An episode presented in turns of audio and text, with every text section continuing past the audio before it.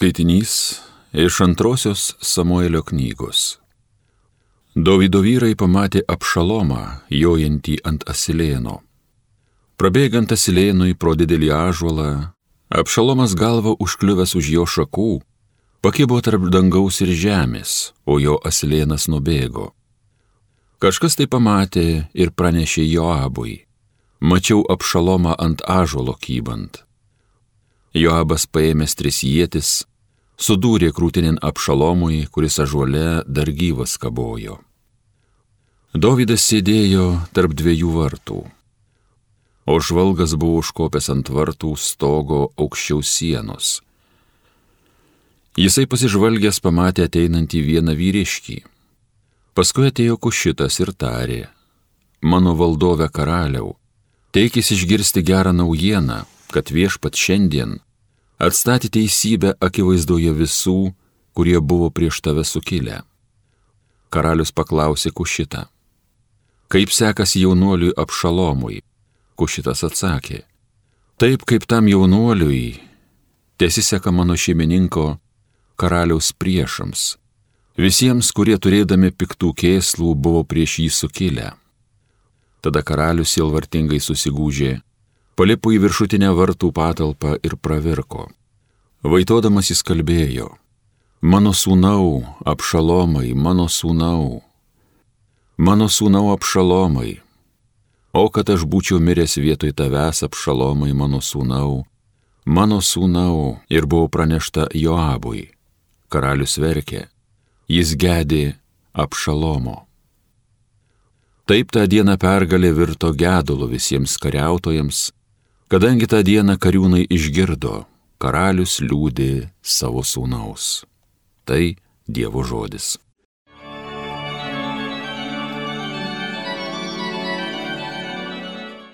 Viešpatie atkreipk savo ausį, mane išklausykė. Viešpatie kreipk savo ausį, mane išklausykė.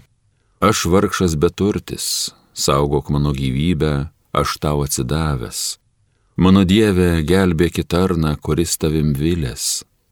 Viešpatie, atkreipk savo ausį, mane išklausykį. Viešpatie, manęs pagailėki, be paliovos į tave šaukiuosi, tu savo tarno sielą palinksmink. Į tave, o viešpatie, keliu savo dvasę. Viešpatie, atkreipk savo ausį, mane išklausykį. Viešpatie, tu meilus maloningas ir gailestingas visiems, kurie tavęs šaukės. Viešpatie, mano maldos paklausykė, pasidomėkė, ko garsiai maldauju. Viešpatie, atkreipk savo ausį, mane išklausykė. Alleluja.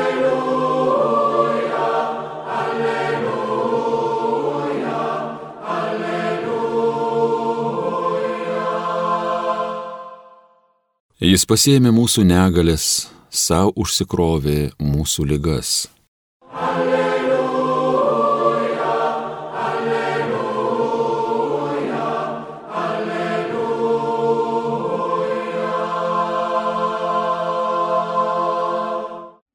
Iš Evangelijos pagal Morku. Jėzui vėl persikėlus valtimi į kitą pusę, susirinko prie jo didžiulė minė ir sulaikė jį paežerėje. Šitą ateina vienas iš sinagogos vyresniųjų vardu Jairas ir pamatęs jį, puola jam po kojų karštai maldaudamas. Mano dukrelė miršta. Ateik ir uždėk ant jos rankas, kad pagytų ir gyventų. Jėzus nuėjo su juo. Iš paskos sekė gausiminė ir jis spauste spaudė. Ten buvo viena moteris jau dvylika metų serganti kraujoplūdžiu, nemažai iškentėjusi nuo daugelio gydytojų ir išleidusi visą, ką turėjo, ji niekiek nepasitaisė, bet dar ėjo blogin ir blogin. Išgirdusi apie Jėzų, ji prasiskverbė pro minę ir iš užpakalio prisilietė prie jo apseusto. Mat jis savo kalbėjo, jeigu paliesiu bent jo drabužį, išgysiu. Bematant kraujas jai nustojo plūdęs ir ji pajuto kūnu, kad yra pasveikusi iš savo negalės. O Jėzus iš karto pajuto, kad iš jo išėjo jėga ir atsigręžęs į minę paklausė, kas prisilietė prie mano apsausto. Mokiniai jam atsakė, pats matai, kaip minė tave spaudžia ir dar klausi, kas mane palėtė. Bet Jėzus tebesidairė tos, kuri taip buvo padariusi. Moteris išėjo į priekį, išsigandusi ir virpėdama, nes žinojo, kas jai atsitiko, ir puolusi prieš jį ant kelių, papasakojo visą teisybę. O jis tarė jai, dukra, tavo tikėjimas išgelbėjo tave, eik rami ir būk išgyjusi iš savo lygos. Jam dar tebe kalbant ateina sinagogos vyresniojo žmonės ir praneša tam, tavo duktė numirė, kam begaišini mokytoje. Išgirdęs tuos žodžius, Jėzus sako sinagogos vyresniajam, nenusigask, vien tikėk. Ir niekam neleido eiti kartu, išskyrus Petrą, Jokūbą ir Jokūbo brolį Joną Jie ateina į sinagogos vyresniojo namus ir Jėzus mato sujudimą, verkiančius, raudančius žmonės. Įžengęs vidun jis tarė, kam tas triukšmas ir ašaros? Vaikas nėra miręs, o miega. Žmonės tik juokėsi iš jo. Tada išvaręs visus jis pasėmė vaiko tėvą ir motiną, taip pat savo palydovus ir ėjo ten, kur vaikas gulėjo. Jis paėmė mergaitę už rankos ir sako, talita kum. Išvertus reiškia, mergaitė sakau tau kelkis. Mergaitė to jau atsikėlė ir ėmė vaikščioti. Jai buvo dvylika metų. Visi nustėro iš nuostabos. Jėzus griežtai įsakė, kad niekas to nežinotų ir liepė duoti mergaitėje valgyti.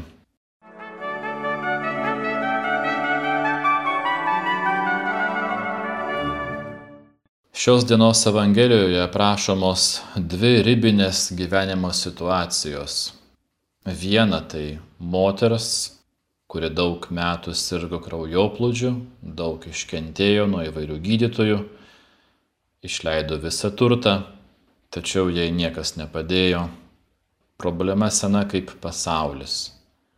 Nors medicinos pažanga yra neginčiama, tačiau medicina visada lieka tik medicina.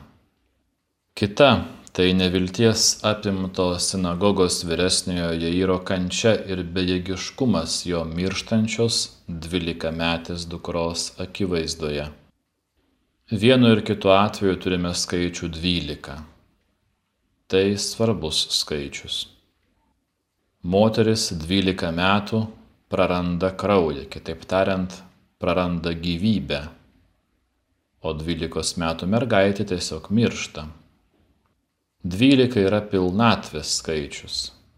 Pakanka 12. Pakanka 12 apaštalų. Galima paklausti, Kodėl būtent dvylika? Nei daugiau, nei mažiau. Užteks, tiek užtenka. Šios dienos Evangelijos atveju dvylika yra ribinės situacijos pilnatvė. Tai laikas rimtai apsigalvoti ir priimti lemiamą gyvenimo sprendimą. Užtenka pasikliauti vien savimi.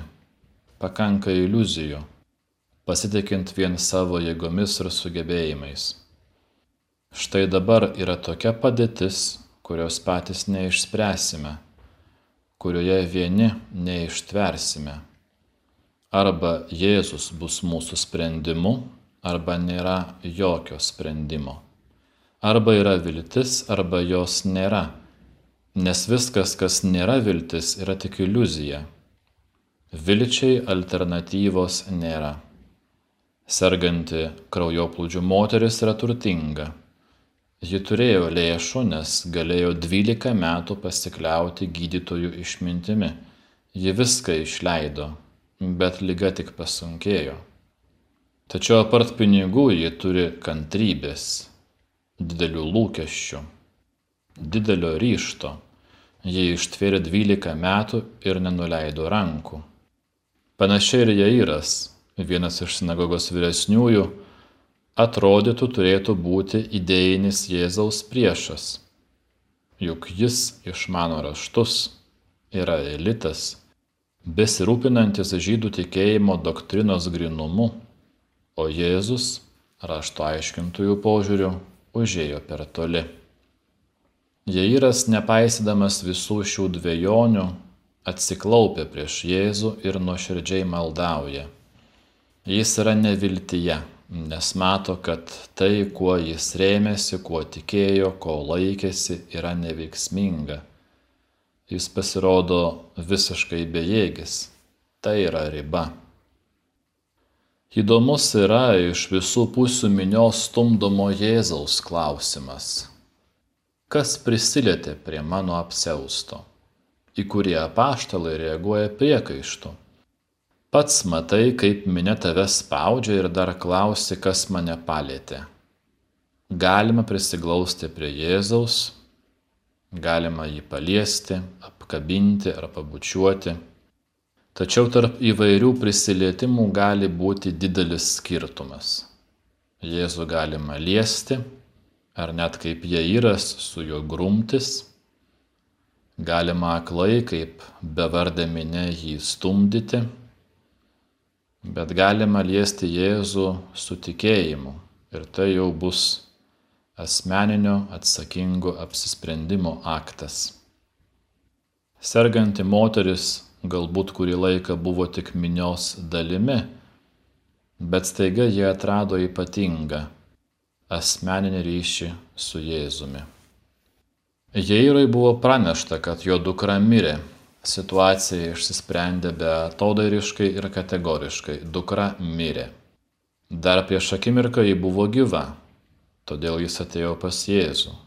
O dabar viskas baigta tavo duktė numirė, kam begaišini mokytoje. Atrodytų dabar jis gali atsitraukti. Tuo tarpu Jėzus jam sako, nenusigask vien tikėk.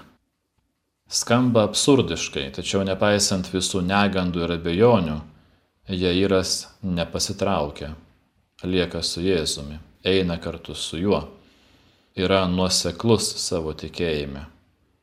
Jis atsisako matyti tikrovę vien kūno akimis. Kūno jūslės mato ir girdi tai, kas yra akivaizdu - dukra mirė. O Jairas pasikliauja mokytoju. Atėjus į namus Jėzus sako, vaikas nėra miręs, o miega. Žvelgiant Dievo akimis, tikrovė yra radikaliai skirtinga. Tai, kas žmonėms buvo akivaizdi mirtis, Jėzui buvo sapnas, iš kurio galima pabusti.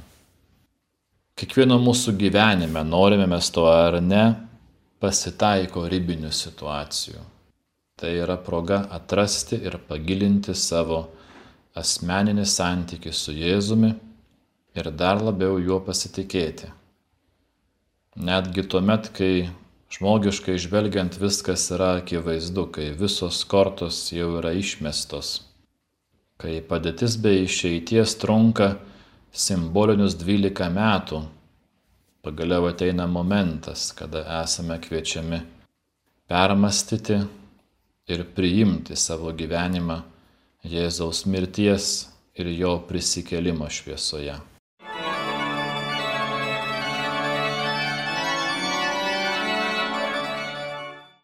Homilija sakė kunigas Vladimir Solovėjai.